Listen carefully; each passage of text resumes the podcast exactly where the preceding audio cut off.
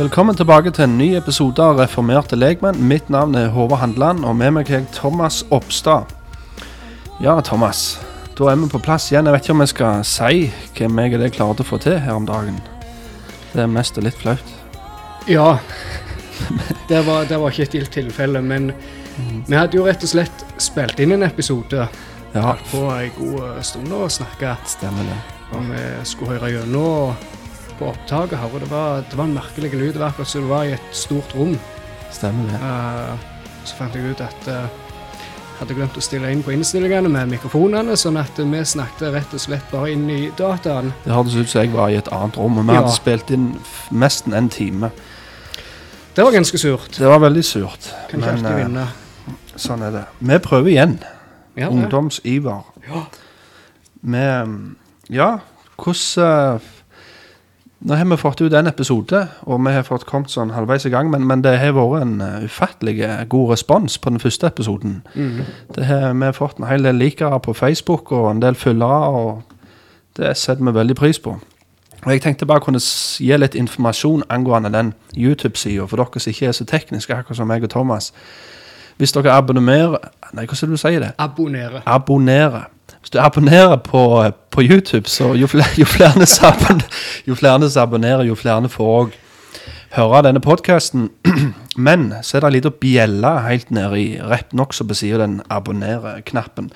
Og hvis du trykker på den bjella, så får du beskjed hver gang det kommer en ny episode. Hvis du ikke gjør det, så, så, så får du ikke den informasjonen. Så det er bare litt sånn Vi er nå ute på en eh, Ja, hva skal du kalle det?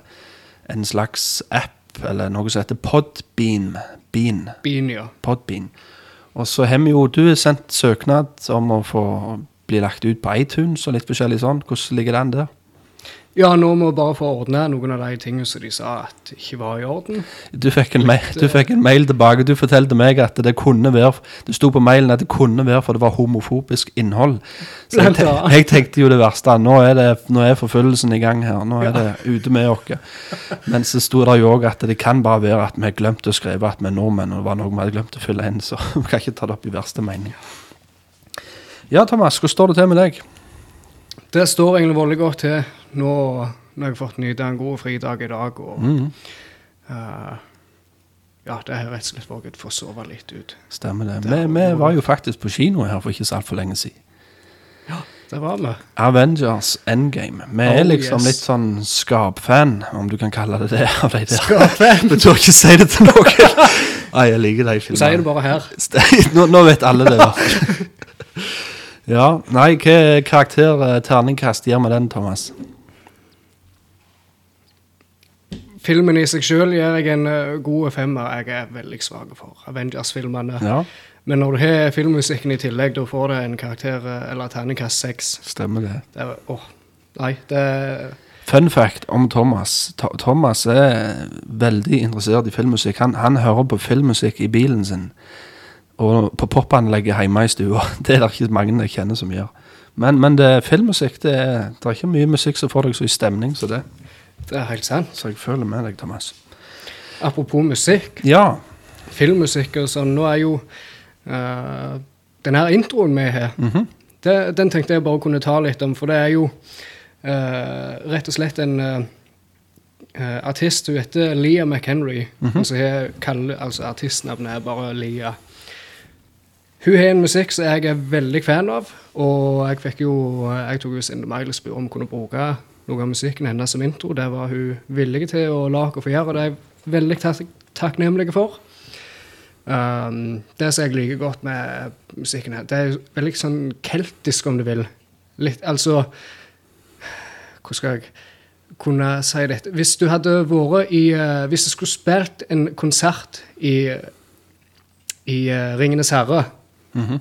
altså i Rivendell, der alvene bor, Ja, da var det denne musikken jeg hadde spilt. ok. Oh yes. Her er vi en skikkelig nerd. Og for å nevne henne, hun er uh, kristen. Ja, Hun er, hun er, hun er fem unger, Mhm. driver hjemmeskole. Og uh, jeg går ikke hun, Sa du det? Jeg vet ikke om du sa det. Hun går i menigheten til ja, i hvert fall, jeg tror iallfall hun er litt innom av og til, men i Ja. fall, hun, er en, hun er litt med det hun gjør. Og Mm eh, noe som gir ekstra krets for min del. Det er jo så langt jeg vet, så er jo hun presbyterianer. Stemmer det. Ja, ja. Da er det liksom greit, da. Ja. ok. Um, hva var det jeg tenkte på? Jo, kanskje litt på temaet tema for i dag. Hvis vi skal ta et lite sånn sceneskifte, om du vil. vi har vel ikke noe direkte overskrift, men, men eh, om vi skulle hatt ei, så er det vel kanskje hva er evangeliet? Og nå er jo ja, publik, det primære publikum for denne podkasten er vel kanskje kristne folk, og mange tenker ja, OK, vi vet jo alle hva evangeliet er. Burde vi ikke snakke om litt mer ting som kunne vært litt mer lærerikt og litt mer interessant å høre på? Og det, det ja, nå, nå, går vi jo bare rett inn i det. Skal vi bare si det, Thomas, at vi begynner å se litt på dette temaet? For det var i grunnen noe jeg òg tenkte um, når jeg først ble frelst, at ja, evangeliet Alle som kaller seg kristne, de vet jo hva det går i, og sånn og sånn. Um, og hvis du treffer på en kar som kaller seg kristen, eller ei som kaller seg kristen, så trenger han ikke høre evangeliet. Han sier jo at han er kristen, og da er han jo forstått evangeliet. Men, men det var helt til nokså tidlig, husker jeg, Thomas, når, når meg og deg ble frelst, så husker jeg du eh, var veldig på det at eh, vi må jo ut og evangelisere på gata. Mens jeg var litt mer der nei, vi skulle vise det med gjerningene, og vi trengte ikke å fortelle det til noen. De, en del diskusjoner. Det var en del debatt der, ja. Jeg var litt sånn her han eh, hva, hva han heter han? Francis av Assisi? Francis Assisi? Ja, bruk evangel... Nei, forsyn ordet, bruk, bruk ordet om nødvendig. Jeg tror i grunnen ikke det var han som sa det, men jeg tror bare det sitatet har liksom blitt uh, blitt uh, tilskrevet han, men, men, ja. Det er en annen, annen podkast. Men, men, uansett, det endte i hvert fall med at vi ble litt aktive evangelister. Vi var på Bryne litt på gata en dag i uka, og så endte det opp på Klepp stasjon var vi en del, og, og på Ålgård og Sandnes og Ja. Vi har holdt på en del, en del, år med det, og for å komme til poenget, så um, Etter å ha snakket med en del på gata, og vi gikk jo en del dør til dør òg på Ålgård Vi prøvde liksom å gjenrope litt eh, territorium fra Jehovas vitner. En gang så dingte vi faktisk på døra. Eh, og så kom de ut, og så da var Jehovas vitner inne hos dem, så da kom akkurat litt for seint. Men eh, tingen jeg, jeg, tenkte jeg skulle nevne, det er at jeg husker jeg, vi, vi snakket med ei dame som Vi spurte om vi fikk lov til å det, vi sammen var kristne og spurte om jeg fikk lov til å dele evangeliet med henne. Vi ville bare ta et par minutter. Og så sa hun nei, det er ikke nødvendig, jeg er kristen, så dere trenger ikke sløse vekk tid på meg. det er bare å gå videre. Men før vi gikk videre, så var jeg så fremodig at jeg spurte om hun kunne fortelle oss evangeliet. Og da husker jeg hun svarte meg ja, evangeliet det er jo tro, håp, kjærlighet, og du skal elske den neste som deg sjøl. Så det hun i grunnen gjorde, da, det er at hun siterte en av de to største budene i Bibelen. sant? Elsk Herren Gud. Og så siterte hun du skal elske den neste som deg sjøl. Og budene er ikke gode nyheter. Budene viser oss i grunnen bare det at vi har et veldig problem, for vi klarer ikke å holde noen av budene. Så at vi skal elske den neste som oss sjøl For meg så er ikke det gode nyheter, og for ingen så er det noen gode nyheter. For det er nettopp det som er problemet. Vi klarer ikke å elske den neste som oss sjøl sånn som vi burde. Vi klarer ikke å elske Herren vår Gud. Så, så, og så husker jeg et annet tilfelle òg. Vi, vi, var på gateevangelisering i Sandnes. Traff vi på noen jenter. Og de òg sa at uh, etter vi hadde spurt om vi fikk lov å dele evangeliet med dem, så sa de det at nei, vi er kristne, så det er ikke nødvendig. Og jeg spurte det samme til dem. Um, kan dere fortelle meg evangeliet? Og så sa de ja, evangeliet det er jo bare å spre Guds godhet til verden. Ja, og å spre Guds godhet til verden det er ikke evangeliet. Er du med? Evangeliet er et spesifikt budskap. Husker du eh, om det var en av de siste gangene vi var på Sande, så kom vi i drøs med det var tre gutter. Mm -hmm. To av de var ledere på det lokale ungdomslaget der ja. de kom ifra. Uh, husker du hva For du uh, Om det var Du spurte om de kunne fortelle evangeliet, eller hva det var, men iallfall Husker du hva han ene av de sa Nei. om Gud? At uh, kristendommens gud og islamsk gud er den samme. Og sier du det? Ja, nei, jeg klarer ikke å ta det igjen. Jeg burde jo ha husket det, for det er jo ganske sånn radikalt utsagn. Ifra noen som var ja. ledere på et kristent ungdomslag. Ja, så, så hvis du skal konkludere med noe, så er det jo det at det er ingen selvfølge at folk som kaller seg kristne, har forstått hva evangeliet er.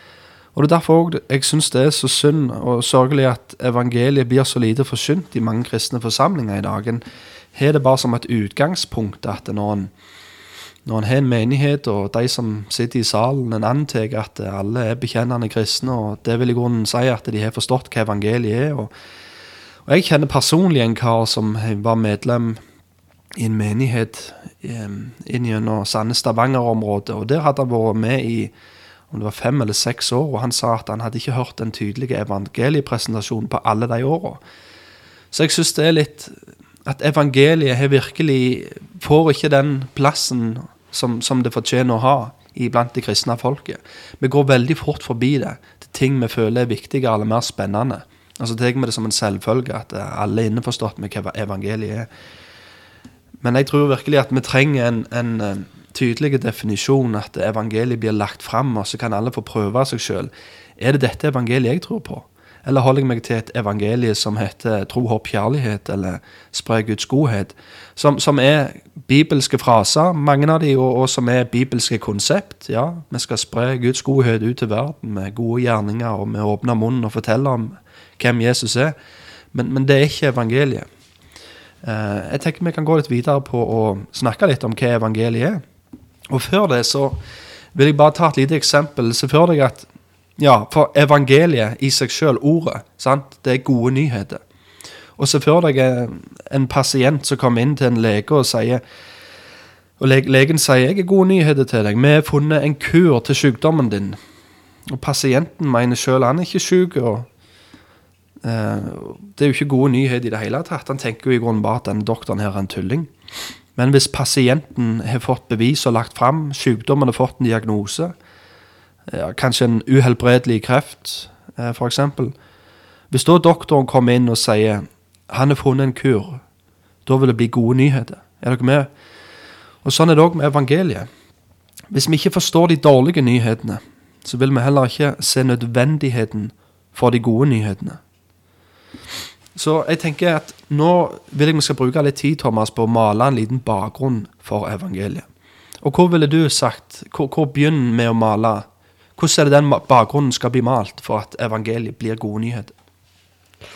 Det første vi må begynne med altså Vi kan fort tenke oss at ja, vi begynner med synd. Mm. Men Uh, vi bør egentlig begynne enda tidligere, og vi bør begynne med Gud. Mm -hmm. Hvem Gud er, uh, hans karakter, hans mm. vesen, hans attributter osv. Mm. Uh, hva det vil si at Gud er hellig, hva det vil si at Gud er rettferdig, hva det vil si at Gud er nådig osv. Mm. Uh, at vi begynner rett og slett med Gud, og på en måte uh, ja, uh, utgjør litt mer kunnskapen om Gud. Mm. Um, og når det gjelder på en måte dette her med Guds attributt, så er det ikke noen uh, du, du, finner ikke i Bibelen at uh, det er et vers eller to eller på en måte en passasje som snakker om dette er den mest viktige, uh, mest viktige attributten om Gud. Mange vil jo si at Guds kjærlighet er det viktigste. Og det er en viktig ting å få med. Um, men det er mange som vil argumentere for at rett og slett Guds hellighet er en av de, de viktigste. Mm uh, og jeg vil si meg ganske enig i det, på grunn av det er det. Uh, hvis du ser om englene, når de lovsynger Gud Du kan se det både i åpenbaringen og spesielt det uh, tilfellet med Jesaja i, mm. kapittel 6, så synger de ut uh, 'hellig, hellig, hellig'. Mm. De synger ikke ut 'nådefull, nådefull, nådefull'. Ordet 'hellig' i seg sjøl, betyr jo separert eller mm. skilt ut av. Akkurat som Gud sa om israelsfolket, at uh, dere skal være hellige, for jeg er hellig. Altså, mm. Ordet i seg selv betyr jo at å være skilt ut ifra noe. Uh, så å begynne rett og slett med hvem Gud er, mm. og gjerne gå ganske fort til Guds hellighet. Mm. For det er jo noe vi ikke vi mennesker ikke kan uh, i oss sjøl relatere oss til Gud. Ja, Vi kan ikke forstå liksom, hva det vil si å være hellig, for vi, vi kan ikke peke til noe rundt dere som er det. Vi bruker jo det ordet litt i hytt og vær. Ikke rør den, den er hellig, men, men, i ordets betydning så er det kun én som er hellig, og det er Gud. Og, og, det er veldig viktig det du snakker om der, og at faktisk det blir en veldig tydelig bakgrunn for evangeliet. For, for uh, litt det du snakket om, at Gud er hellig Han er separert, han er atskilt. Da syns jeg det er veldig interessant å tenke på det som faktisk eh, Gud sier til Moses når, når Moses trer framfor han i den brennende busken. Moses spør 'Hvem er du?' For det er jo det vi snakker litt om nå. Hvem er Gud? Og da svarer Jesus, nei, da svarer Gud i den brennende busken 'Jeg er', sier han. Og du ville kanskje tenkt, hvis du hadde spurt meg, Thomas, hvem er du, Håvard? Så kan jeg sagt 'Jeg er litt sånn som deg'. Jeg er litt sånn som de andre sju billioner menneskene og skapningene som er, er rundt på denne jorda. Men når Gud får det spørsmålet 'Hvem er du?', så sier han 'Jeg er'. Jeg er. Han kunne ikke peke til sin side, sånn som jeg og det kan. Jeg er litt sånn som han eller han. Utenom en gang i historien så kunne han peke ned på korset, kunne peke ned på Jesus. Og Jesus med hans egne ord så sier han 'Jeg er', før Abraham var.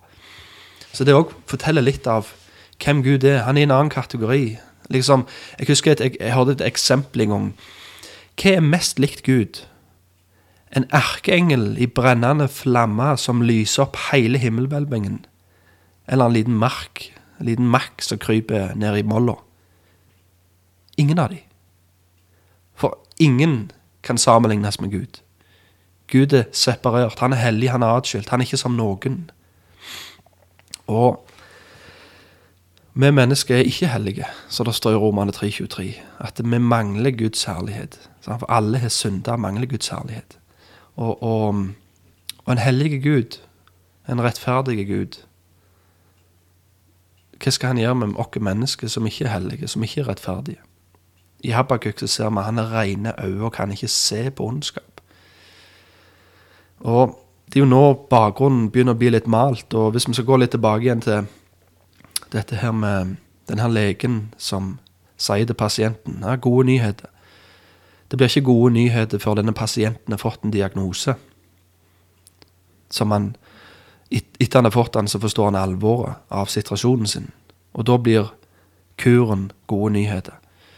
Og Jeg har litt lyst til at vi skal gå inn og se litt nå hva diagnose Bibelen gir mennesket. For at vi skal forstå litt mer hvorfor evangeliet blir gode nyheter. Og Jeg tenker en grei plass å, å se litt da. Det er i Romane 3, f.eks. I Romane 3.10 så ser vi Paulus sitere en hel haug med gamletestamentlige vers som oppsummerer litt Bibelen, hvordan Bibelen diagnoserer mennesket. Som det så skrevet, det er ikke én rettferdig, nei, ikke en eneste. Det er ikke en som er forstandig, det er ikke en som søker Gud. De er alle bøyd av, alle sammen har blitt fordervet. Det er ikke en som gjør godt, nei, ikke en eneste. Det er interessant det han sier på slutten der. Det er som at han vet at nå kommer noen til å protestere med det han sier. At når han sier nei, det er ikke en som er god, så er det sånn ja, jeg hører hva du sier, Paulus, men jeg vet ikke om jeg er helt enig. Nei, det er ikke én som er god. Så derfor må han på en måte gjenta det. Uh, for det er litt interessant å tenke på vår standard som menneske er ofte veldig mye lavere enn den standarden som Gud har. Hvis vi spør hverandre og spør folk på gata, som jeg og deg ofte har gjort um, hvis det er en himmel, tror du du vil komme der? Og jeg tror samtlige vi snakket med, svarte ja på det spørsmålet der. Og vi spør ja, hvorfor da? Nei, for jeg er en god person. Jeg, og så begynner de å ramse opp alle sine gode gjerninger. Og det minner meg litt om, om uh, det som vi kan lese i Markus 10. Det er med et eksempel på en sånn mann som, som kommer springende til Jesus. I Markus 10, vers 17. Da han gikk ut på veien, kom den løpende, knelte foran ham, spurte ham, Gode mester, hva skal jeg gjøre for å arve evig liv? Men Jesus sa til ham, Hvorfor kaller du meg god? Ingen er god uten én, det er Gud. Du kjenner budene, du skal ikke drive hår, du skal ikke slå i hjel, du skal ikke stjele, du skal ikke vitne falskt, du skal ikke bedra, hedre din far og mor. Og han svarte ham og sa, Mester, alt dette har jeg holdt ifra min ungdom. Så her kan man springende opp til Jesus og sier gode mester. Sier, sier Jesus på en måte at ja, hvis du ser bare på meg som en god mester Nei, det er bare én som er god. Er du med? Hvis du ser på meg bare som et menneske, en god lærer, så, så er ikke jeg heller god, om du vil. Det er bare én som er god, og det er Gud. Men realiteten var jo at Jesus var Gud, og han var god. Men, men han appellerer litt til han her mannen som kommer til han. Så sier han det at det er én som er god, og det er Gud. Og rett etterpå så ser vi denne unge, rike mannen. Ja, vent litt, jeg òg er god, sier han. Så Ja, sånn, han gjør Gud til en løgner, rett og slett. Stemmer det, stemmer det, og det syns jeg er veldig interessant uh, når det kommer til i eh, Salmos ordspråkene, vers, kapittel 30, vers 12. Det er en ett som er ren i sine egne øyne, men som ikke har fått vasket bort sin egen urenhet. Og det er på en måte Problemet til mennesket det er at vi har for høye tanker om oss sjøl og for lave tanker om Gud. Vi tror at vi er bedre enn det vi faktisk er, og vi tror at Gud ikke er så god som, som Bibelen faktisk sier han er. Og Derfor er det nødvendigvis ikke et problem heller. vel? For Gud han er litt sånn som meg. sant? Jeg tar ikke alt så høytidelig, og han tar ikke alt så høytidelig. Jeg er nokså god, og Gud han liker jo meg. Se på meg. sant vel? En har altfor høye tanker om seg sjøl, men som vi kan lese i Salmene 50, så er Gud veldig uenig i den tanken. Han sier det at dere trodde at Når Gud så snakker til mennesker, sier han dere trodde at jeg var som dere. Men omvend dere fra den tanken, sier han. Ellers så kommer jeg ned og river dere i stykker, sier han. Det er veldig harde ord. Så Gud er ikke som oss. Tilbake igjen til Guds hellighet. Gud er annerledes. Gud er rettferdig, og vi er ikke. Gud er hellig, og vi er ikke. Gud er god alene, og vi er ikke. Vi har et problem. Så nå ser, vi at diagnosen til menneskene begynner å bli formt. Paulus har jo en eh, ganske grei formulering eh, i, i Efeserbrevet når han snakker om dere som var døde i deres synder og overtredelse. Eh, I vår synd. og overtredelse, og bare ordet overtredelse i seg selv, det er noe som beskriver en handling en gjør med vilje. Altså, det er noe en har lyst til å gjøre. En synder rett og slett med vilje, for en vil det. Uh, det blir ikke lagt fram som om vi på en måte er offer for dette her, men det er noe vi i vår fallen tilstand ønsker å gjøre på grunn eh, syndens makt over oss. Det står jo også videre at vi er fiender av sinnelag. Vel? En aktiv ting. Vi tenker fort vi er veldig passive. At ja, ja, jeg tror ikke på Gud, men jeg er ikke noe imot han hvis han fins, og sånn og sånn. Men det er ikke helt rett ø, ifølge det Jesus sier. Jesus sier enten er du for meg, eller er du imot meg. Så det er på en måte ingen som er nøytrale. Ja, på en måte, altså Synd er ikke noe som kommer utifra og på en måte kommer inn, men synd er noe som kommer fra hjertet og går ut av munnen, som Jesus sier. Stemmer det. Ehm, jeg kom på å tenke på òg um, um, Det her ene verset i Salmene fem. Litt tilbake til For vi er jo vant med å høre om Gud at sant, Johannes 3, 16, For så høyt har Gud elsket verden at han ga sin sønn Nei, ga sin sønn for for at hver den tror på han ikke skal gå fortapt, men har evig liv, osv. Um, og vi, vi, er, vi er jo kjent med denne her ka- Kall det en klisjé at um, Gud elsker synderen, men han hater synden. Og grunnen til at jeg snakker om Det her, for det, er litt i tråd med det du sier, at vi tenker fort at synd er noe som ligger ut forbi oss sjøl. At synd er bare noe som kommer og plager oss og får oss til å gjøre ting som vi ikke vil. Det er som en masse som ligger utfor oss. Men vi snakker ikke om det på den måten som Bibelen gjør, at synd det kommer fra hjertet. Det kommer fra de med kjernen av de vi er. At vi blir ikke syndere når vi synder, men vi er syndere. Derfor synder vi. Så der har du på en måte den kontrasten. Eh, men litt tilbake til den kjente klisjeen. Gud elsker synderen, men hater synden. Jeg skal ikke feire heil, feie hele utsagnet vekk og si at det er totalt feil, men det er veldig misvisende på mange måter. Jeg tror det er noe sant i det, men jeg tror det er veldig misvisende, for vi har faktisk vers i Bibelen, sånn som Salmene 5. eh, Jeg kan ta ifra vers 5. For du er ikke en Gud som har den lyst i ugudelighet. Hos deg kan ikke ondskap bo. De håmodige skal ikke bli stående for dine øyne. Du hater alle som gjør urett. Den som taler løgn, skal du føre i fortapelsen. Herren avskyr den blodtørstige og svikefulle mannen. Vi ser det gjentok eh, i eh, Salme 11 òg, faktisk. I, i eh, vers 5 der står det at Herren prøver den rettferdige, men hans sjel, altså Herrens sjel, hater den ugudelige og den som elsker vold. Mm. Samme i ordspråkene seks, så har vi de sju tingene som blir lagt fram som Gud hater. Han sier det er seks ting jeg hater, ja, ikke, ikke bare det, men sju. Og så går han, han sier at han, sånn, han hater ei lykende tunge, han hater øyne og som, som sant pønsker på ondskap. Han hater føtter som er raske til å springe etter ugudelighet, og hender som utdødde blod. Så han beskriver i grunnen alle aspekter av mennesket. Så At alt det vi gjør med de lemmene vi har fått Han hater når vi bruker de lemmene vi har fått, til å utøve urettferdighet og ondskap opprør mot Gud. Så når vi på en måte snakker i, i kristne kretser, så snakker vi om veldig ofte selvfølgelig at synd blir Vi blir veldig ofte bare offer for det. Er du med? At det er, ja, vi gjør jo alle feil, og vi gjør jo dumme ting og sånn. liksom. At synd blir ikke snakket om på den måten Bibelen gjør det. Og så kan vi tenke, hvordan i alle dager, det her blir jo en veldig kontrast i Johannes 3,16, for det står det jo at han elsker verden, sant? for her står det at han hater alle som gjør urett. Hvordan kan Gud hate synderen, samtidig som man kan elske synderen? Det er på en måte et paradoks der. Og vi, vi, vi, Jeg har i hvert fall hørt det noen ganger, jeg, at nei, Gud hater ikke, for han er kjærlighet. Men jeg vil si i grunnen, ut ifra Bibelen så, så må Gud hate av han er kjærlighet. Og For å ta et eksempel på det hvis Jeg personlig er veldig glad i jødefolket. Og derfor så må jeg hate holocaust. Sant vel? Og jeg er glad i afroamerikanske mennesker, derfor må jeg hate slaveri. Jeg er glad i unger, derfor må jeg hate abort.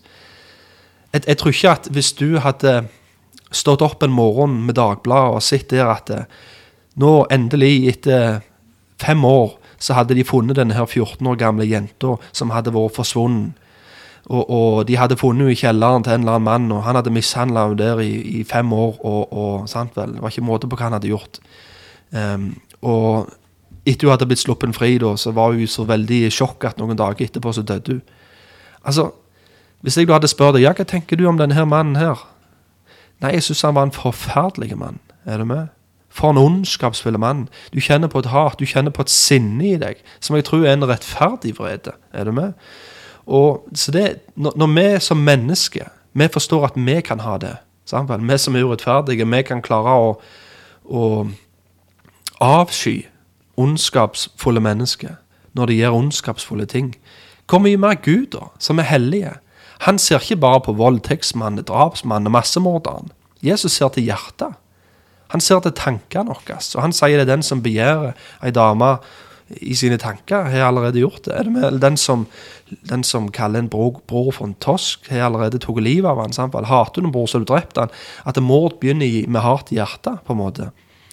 Så, så Men litt tilbake til det. Hvordan, hvordan kan Gud hate den som gjør synd, samtidig som han elsker han?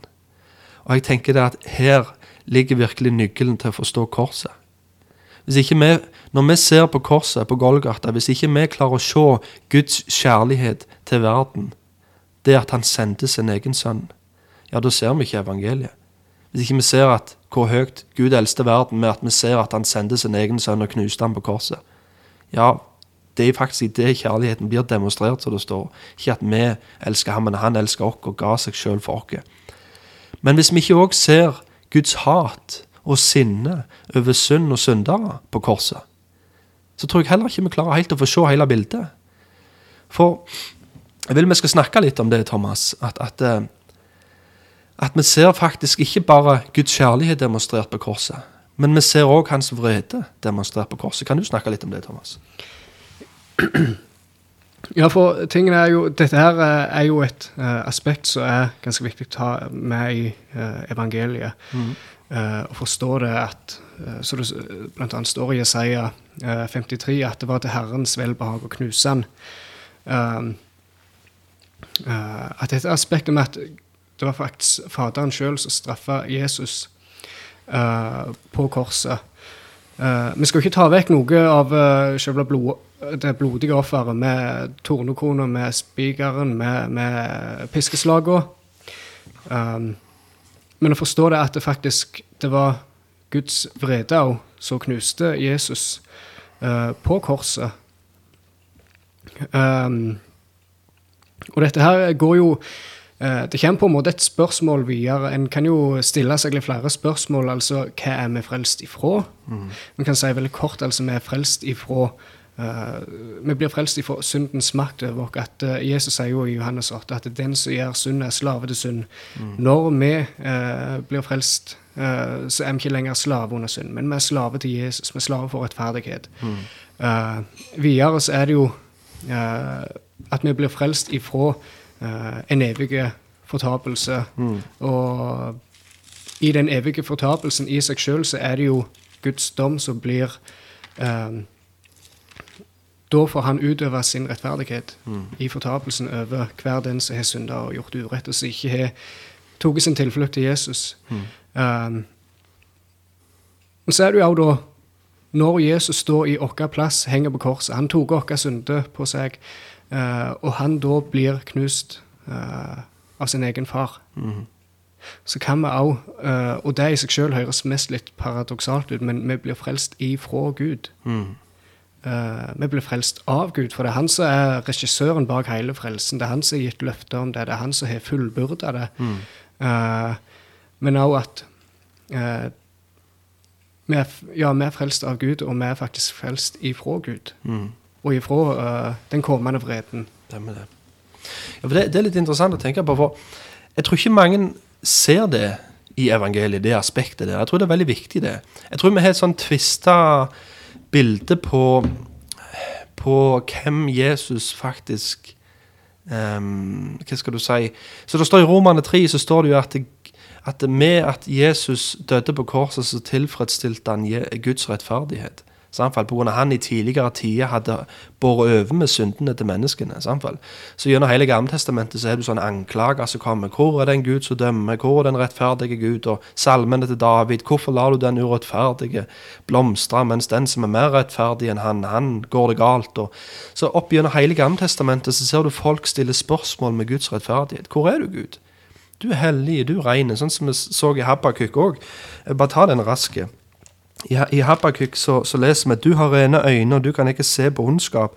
Du kan ikke holde ut og se eh, på den som farer med svik. Og hvorfor er du stille når den ugudelige oppsluker den som er mer rettferdig enn ham? Altså, Gang etter gang i Gamletestamentet så lurer de på hvor er du, Gud? Hvorfor får menneskene bare leve som de vil og gjøre som de vil, og de får bare blomstre, og de lever lange liv og har det godt? Og du er rettferdig, og du tåler ikke ondskap. Og, du, og det, så er det som På korset så får Gud gi det endelige svaret til alle de anklagene. Alle som anklager han for å ikke være rettferdige. Jeg vil bare lese det i Romane 3. Jeg syns det er veldig bra. For alle har syndet og mangler Guds ære, men de blir rettferdiggjort ufortjent av Hans nåde ved forløsningen den som er i Kristus Jesus. Han stilte Gud fram, legg merke til det. Det er Gud Fader som stiller fram sin egen sønn på korset. Videre står det han stilte Gud fram som nådestol. Hva er nådestol? Nådestolen var jo låget på paktsarken. Når ei ofring hadde blitt gjort, når et lam hadde blitt ofra, så ble blodet tatt inn til det aller helligste og skvetta og tømt på nådestolen. For det var der tilfredsstillelsen, det var der Guds rettferdighet ble tilfredsstilt. For når du er en rettferdig Gud, så kan ikke syndere gå fri uten at noen betaler for den synden. Og her sier Gud, på korset så stilte Gud fram sin egen sønn. Og da var det det som ble soningsplassen. Da var det ikke lenger låget på arken. Da var det ikke lenger blod av lam.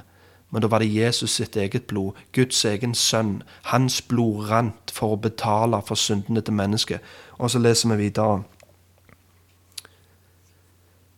Han stilte Gud fram som nådestol ved troen i hans blod, for å vise sin rettferdighet, fordi Gud i sin langmodighet hadde båret over med syndene som var gjort tidligere. Slik ville han vise sin rettferdighet i den tid som er nå, så han kunne være rettferdig og rettferdiggjøre den som har troen på Jesus.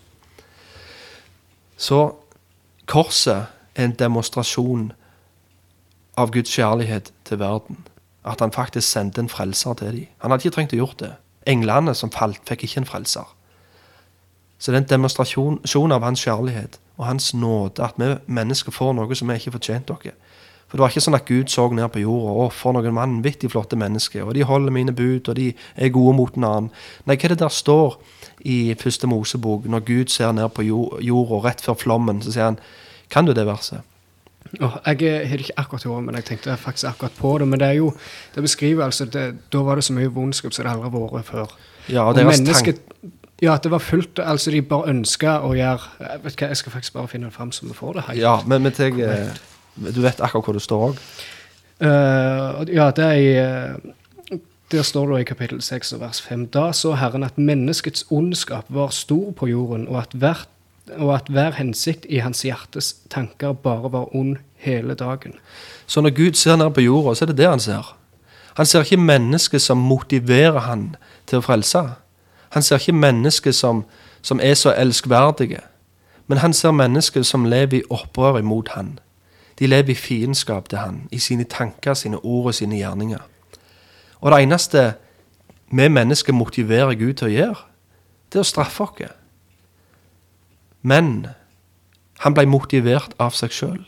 Det er derfor vi ser at Gud sier, 'Ikke for deres skyld gjør jeg dette, men for mitt hellige navns skyld.' 'Jeg deler ikke min ære med noen.' Så han går ned for sitt navns skyld og frelser mennesket.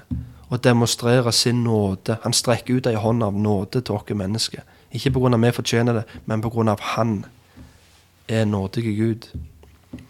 Så vi ser flere aspekt av Gud som blir demonstrert på korset. Jeg tror det er viktig at ikke evangeliet bare blir en demonstrasjon av Guds kjærlighet til verden. Jeg vil ikke ta det vekk, for det er et så viktig aspekt av evangeliet. Men vi må òg se at Guds rettferdighet blir demonstrert på korset. At Guds hat over synd og syndere, samtidig som hans kjærlighet til syndere.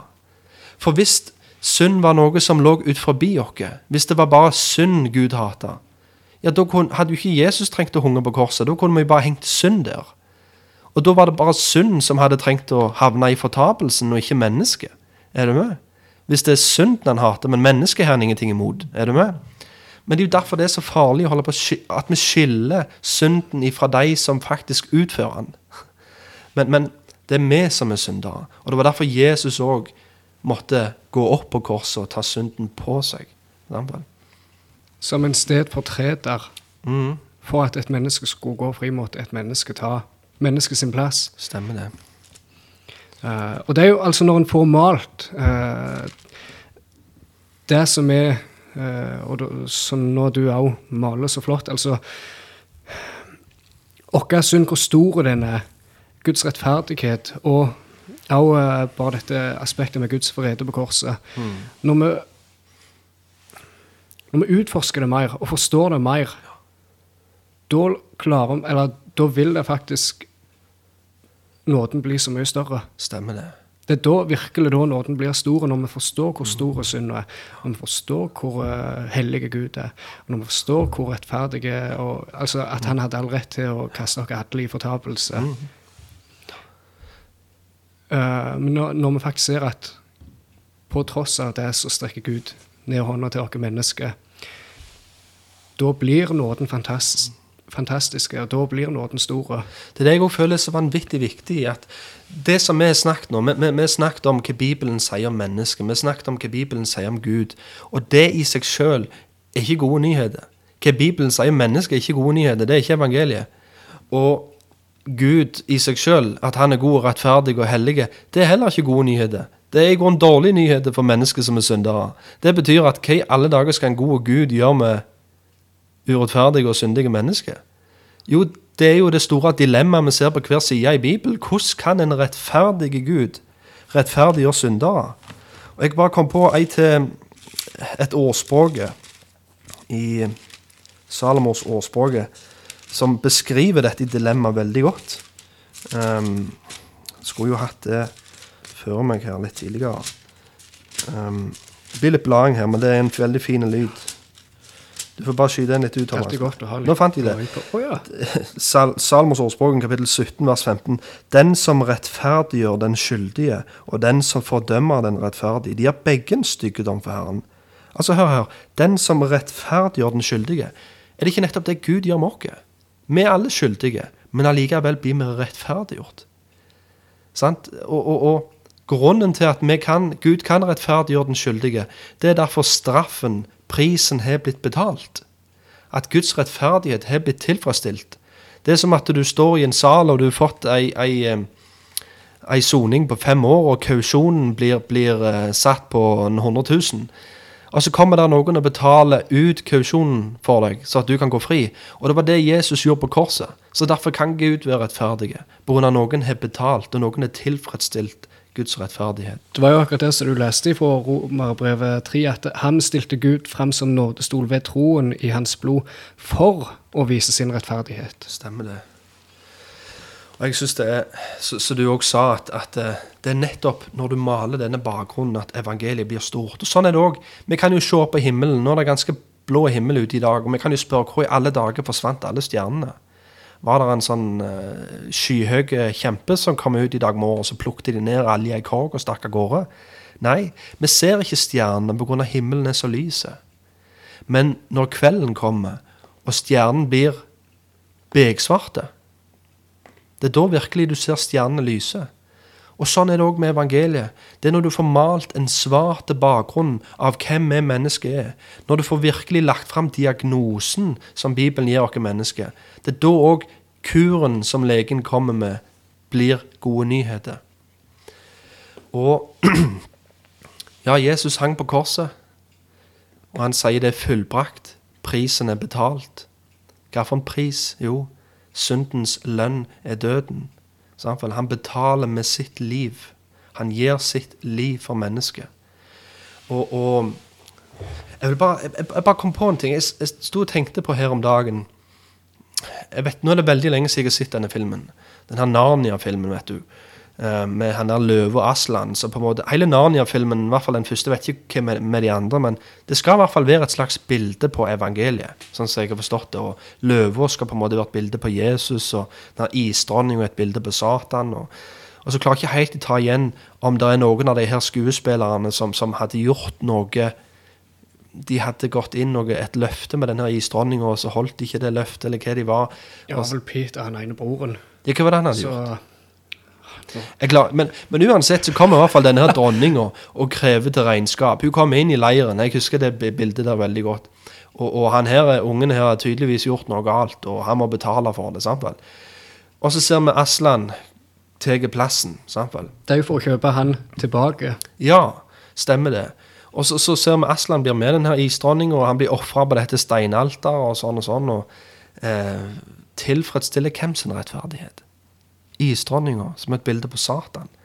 Så ja, det er noen skøyne og gode filmer, og, og, det er en slags evangeliepresentasjon inni det budskapet. Men jeg føler det blir veldig misvisende hvis Jesus blir stilt fram som en som skulle tilfredsstille Satan.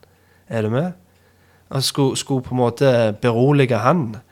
På grunn av Satan. Satan får plutselig så veldig mye makt. Og det er òg dette her med at eh, Satan han som regjerer i fortapelsen, og alle som blir sendt Det er jo mange som tror det, at Jesus han får ned i helvete, så blir han pint av Satan og demonene istedenfor oss. Men Bibelen sier jo det motsatte. Bibelen sier at helvete ble lagd først og fremst for englene, Satan og hans engler. Så jeg tror vi gjør veldig feil i det å gi Satan mer makt enn det Bibelen gjør. Korset var faktisk der Gud i menneskelig skikkelse, Jesus, Guds sønn, beseira Satan. Han beseira døden, han beseira Satan. Der syns jeg det er så bra bilde fra altså den første Messias-profetien vi har. Det er, jo i, det er jo rett etter syndefallet, mm -hmm. når de åt frukt. Og, uh, og Gud da sier i uh, det er vel vers 15 i kapittel 3 i første Mosebok at uh, han, altså Jesus, skal knuse ditt, slangens eller Satans hode. Mm. Og det er så interessant å se. da. Eh, du finner på en måte historier paralleller gjennom Gamle testamentet. Uh, så du på en måte får, får en liten smakebete av denne profetien, da. Uh, men for å koke det veldig ned, og så når vi går fram til korset, mm -hmm. der Jesus henger på korset, så henger han på en plass som heter Golgata. Mm -hmm. Og det i seg sjøl, det betyr jo hodeskallestedet. Og Jesus, før han går opp på korset, sier han jo at nå er denne verdens første dømt. Uh, men der ser vi på korset, så når Jesus Da knuser han slangens hode. Da knuser han Satans hode. Mm. Ja, det er veldig mektig. Det er veldig mange sånne paralleller fra Gammeltestamentet som peker fram imot mot Jesus. Jeg tenker, Vi tar et lite sceneskifte nå. Nå har vi snakket om korset, og det er så mye som kan bli sagt om det. Og, og nå er vi bare liksom Vi har bare dypt tåa i vannet, er du med? Og jeg tror vi skal komme mye inn på det i framtidige episoder og snakke om forskjellige aspekter av korset, for det er virkelig Det er det vi lever for, og det er det som gjør at vi er de vi er i dag. Vi er blitt født på ny med at vi har satt deres tillit til det budskapet. Men et budskap der Jesus dør på korset, og han blir værende i grava, det er heller ikke gode nyheter. Så de gode nyhetene blir ikke komplett før vi faktisk ser at han står opp igjen den tredje dagen. Og hva, hvis jeg skal spørre deg, Thomas, hvorfor er det så viktig at han måtte stå opp igjen? Hadde han ikke fått utretta det samme med å bare bli liggende i grava? Ikke det hele. For hvis han hadde ligget i grava, eller hvis han bare hadde vært død, da betyr det at han fortjente den straffa han fikk. Mm -hmm. Og han fikk øh, Han fikk som betalt, om du vil. Nei, ja. fikk som bestilt, skulle mest ja, si. Fikk som altså, fortjente, liksom. Fikk som fortjente, ja. Det mm. var et mye bedre uttrykk å bruke. Um, men det er jo det som er så essensielt med hele evangeliet, at du har oppstandelsen. Uh, for som jeg sa, hvis han ikke hadde stått opp igjen, da betyr det bare at han hadde vært Da betyr det egentlig at eh, Jesus hadde vært som oss ja. og fortjent det. Men det var nettopp det han ikke gjorde.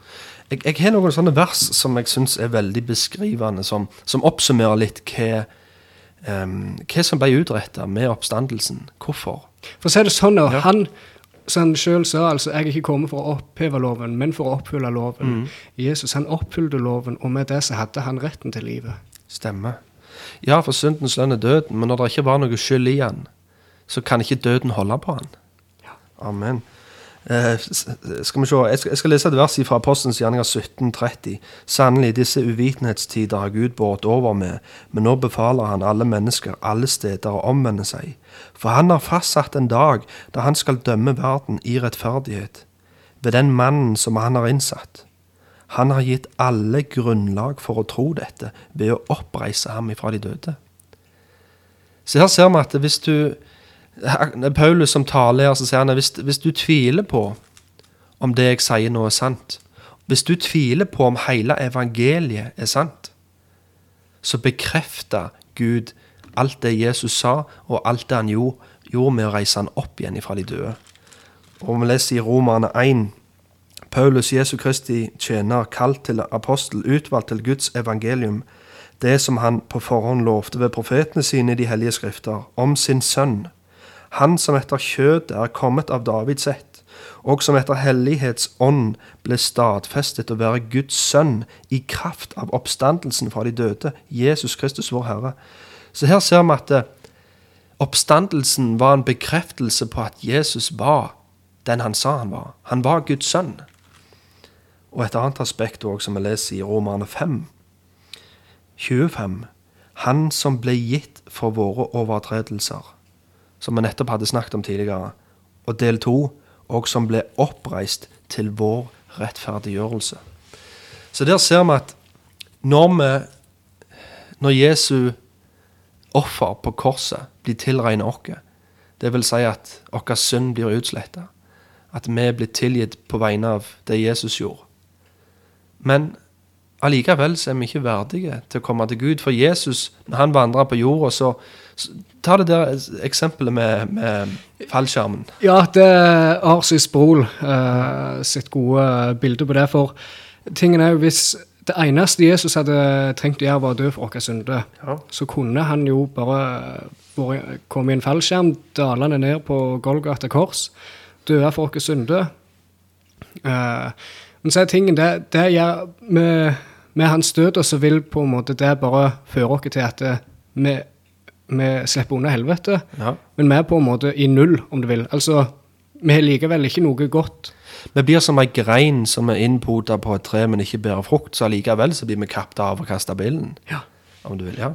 Og at vi, selv om vi med det blir reddet ut ifra helvete, så betyr det samtidig ikke at vi kan komme inn i himmelen. Mm. Ja, for det nytter ikke bare Sånn som så med Jesus òg. Det var ikke bare det at han ikke brøt noen av budene, men han gjorde alltid det som var til behag for Herren. Han gjorde alltid det som var rett. Det var ikke det at han aldri gjorde det som var galt, men han gjorde alltid det som var rett. Og sånn er det òg for oss mennesker. Det er det som vil si å være rettferdig. Det er ikke bare det at du ikke gjør noe galt, for da kan du bare legge deg sjøl i koma. og så er du syndfri? Er du med? Men det er faktisk på en måte òg ei synd å ikke gjøre det som er rett. Så, så derfor må du ha en positiv valuta på kontoen din, om du vil. Og det er det vi kristne får med Jesu oppstandelse. Vi får, får ikke bare en konto som ikke er i minus, men vi får en konto som er i pluss pga. hele Kristi liv og vandring blir gitt til oss i en gave. Vi blir ikledd hans rettferdighet. Så når vi nå står framfor Gud på den siste dag, så er det som sangen sier, rene og rettferdige, himmelen verdig. Vi er rene ifra vår synd, og vi er blitt ikledd Kristi rettferdighet, som er det livet han levde. Så når Gud ser ned på korset, så er det som han ser oss. Og når vi kommer til tro på Jesus, og, Jesus ser på, og Gud ser på oss, så, så er det som han ser Jesus. Og det er jo her vi har denne stedsfortredende døden. Og det synes jeg, nå, nå har vi fått tatt med mange viktige aspekt. For å det helt ned. Det her var den lange versjonen. Den korte versjonen er at Jesus, evangeliet er Jesu død på korset. Hans liv for oss. Han oppfylte loven. Han døde og sto opp igjen til deres rettferdiggjørelse. Og med å omvende oss og tro på Han, som har vi evig liv. Det er liksom de korte trekkene. Jeg syns Paulus oppsummerer det veldig godt i 1. Korinterne 15. Der går han gjennom evangeliet. Så, så ja. Det er en lang utgave og det er en kort utgave, og jeg tror vi skal leve i en evighet i himmelen og få se mer inn i av hva faktisk Gud gjorde for oss i sin sønn Jesus Kristus. Har du noen tanker, Thomas? For å si det sånn, nå, nå ble jo dette en ganske god og lang episode. God og lang uh, presentasjon. Det er gjerne ikke mm. alle som klarer å følge med mm. på hele den lengden, men er du ute og kjører en uh, lang tur, så fyr på denne her episoden. Stemmer det. ja, vi, vet ikke om hver episode kommer til å være denne lengden her, men jeg syns i hvert fall det er viktig å Når vi vil ha en kristen podkast, så må evangeliet ligge til grunn. Det, det, uansett hva vi blir som et kakestykke, at senteret er alltid evangeliet. Så uansett hvilket stykke du tar, så er det hele veien evangeliesentrert, og det er det vi ønsker at podkasten vår skal være en evangeliesentrerte podkast der vi forstår Ja, der vi lufter opp det budskapet der det faktisk hører hjemme. Det hører hjemme på, på høgsetet i hjertet vårt og i fokuset vårt og i livet vårt. Det burde være det som òg er med å motivere oss for å leve et hellig liv. For å, for å, leve for Herren. At uh, den motivasjonen den strømmer ut ifra en takknemlighet til det Jesus gjorde på korset for oss. Ja, um, vi har vel ikke akkurat planlagt, Thomas, um, de neste kommende episodene. Men dere vil antageligvis få noen teasere ut på Facebook, Instagram, der vi skriver litt hva, i forkant hva tittelen på podkasten er. Vet du hva jeg har helt glemt å si? Jeg, jeg, jeg, eh, første episode vi hadde, så forteller du litt om deg sjøl, og jeg forteller litt om meg sjøl. Du sa du var singel. Jeg er gift, det må jeg få med meg. Jeg fikk streng beskjed av kona om å fortelle det. Nei da.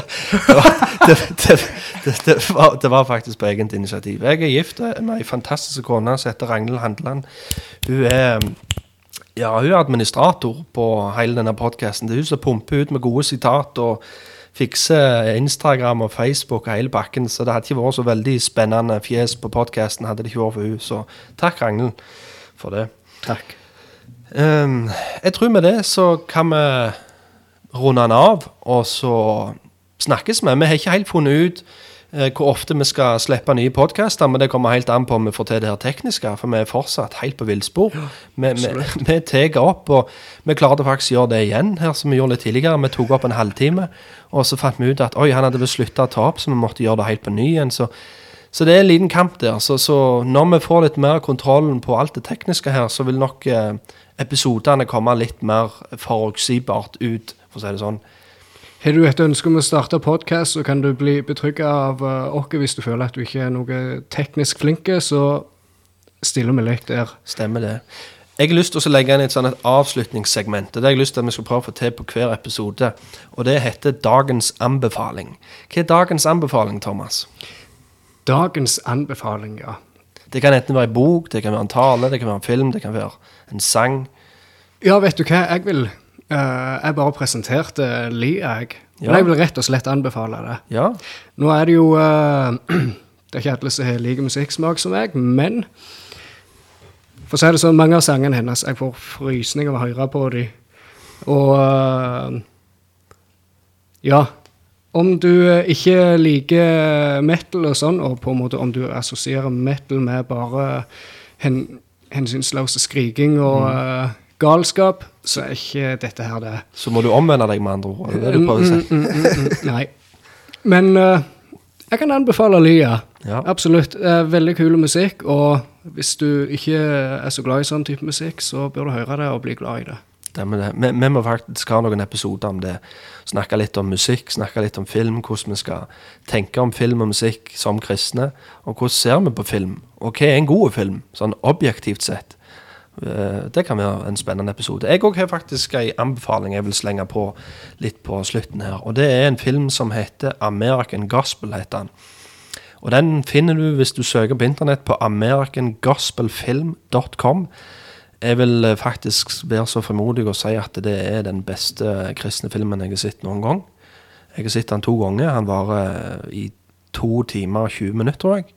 Du kan leie den for 45 kroner, eller kjøpe den inne på internett for 125 eller noe. Uh, og du kan se den på Vimeo og forskjellige arenaer som ligger der ute. Men det er i hvert fall en av de tydeligste og flotteste evangeliepresentasjonene som, som jeg har hørt noen gang. Og jeg anbefaler alle kristne til å se det. Se det i lag med familien, se det i menigheten, se det i bibelgruppa.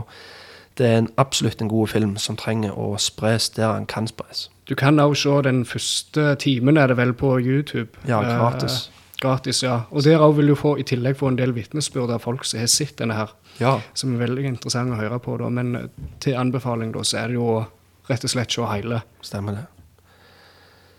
Med det, Thomas, så tror jeg vi runder den av, og så takker vi Gud for denne podkasten her, og håper den kan nå ut til mange og være til oppbyggelse for mange.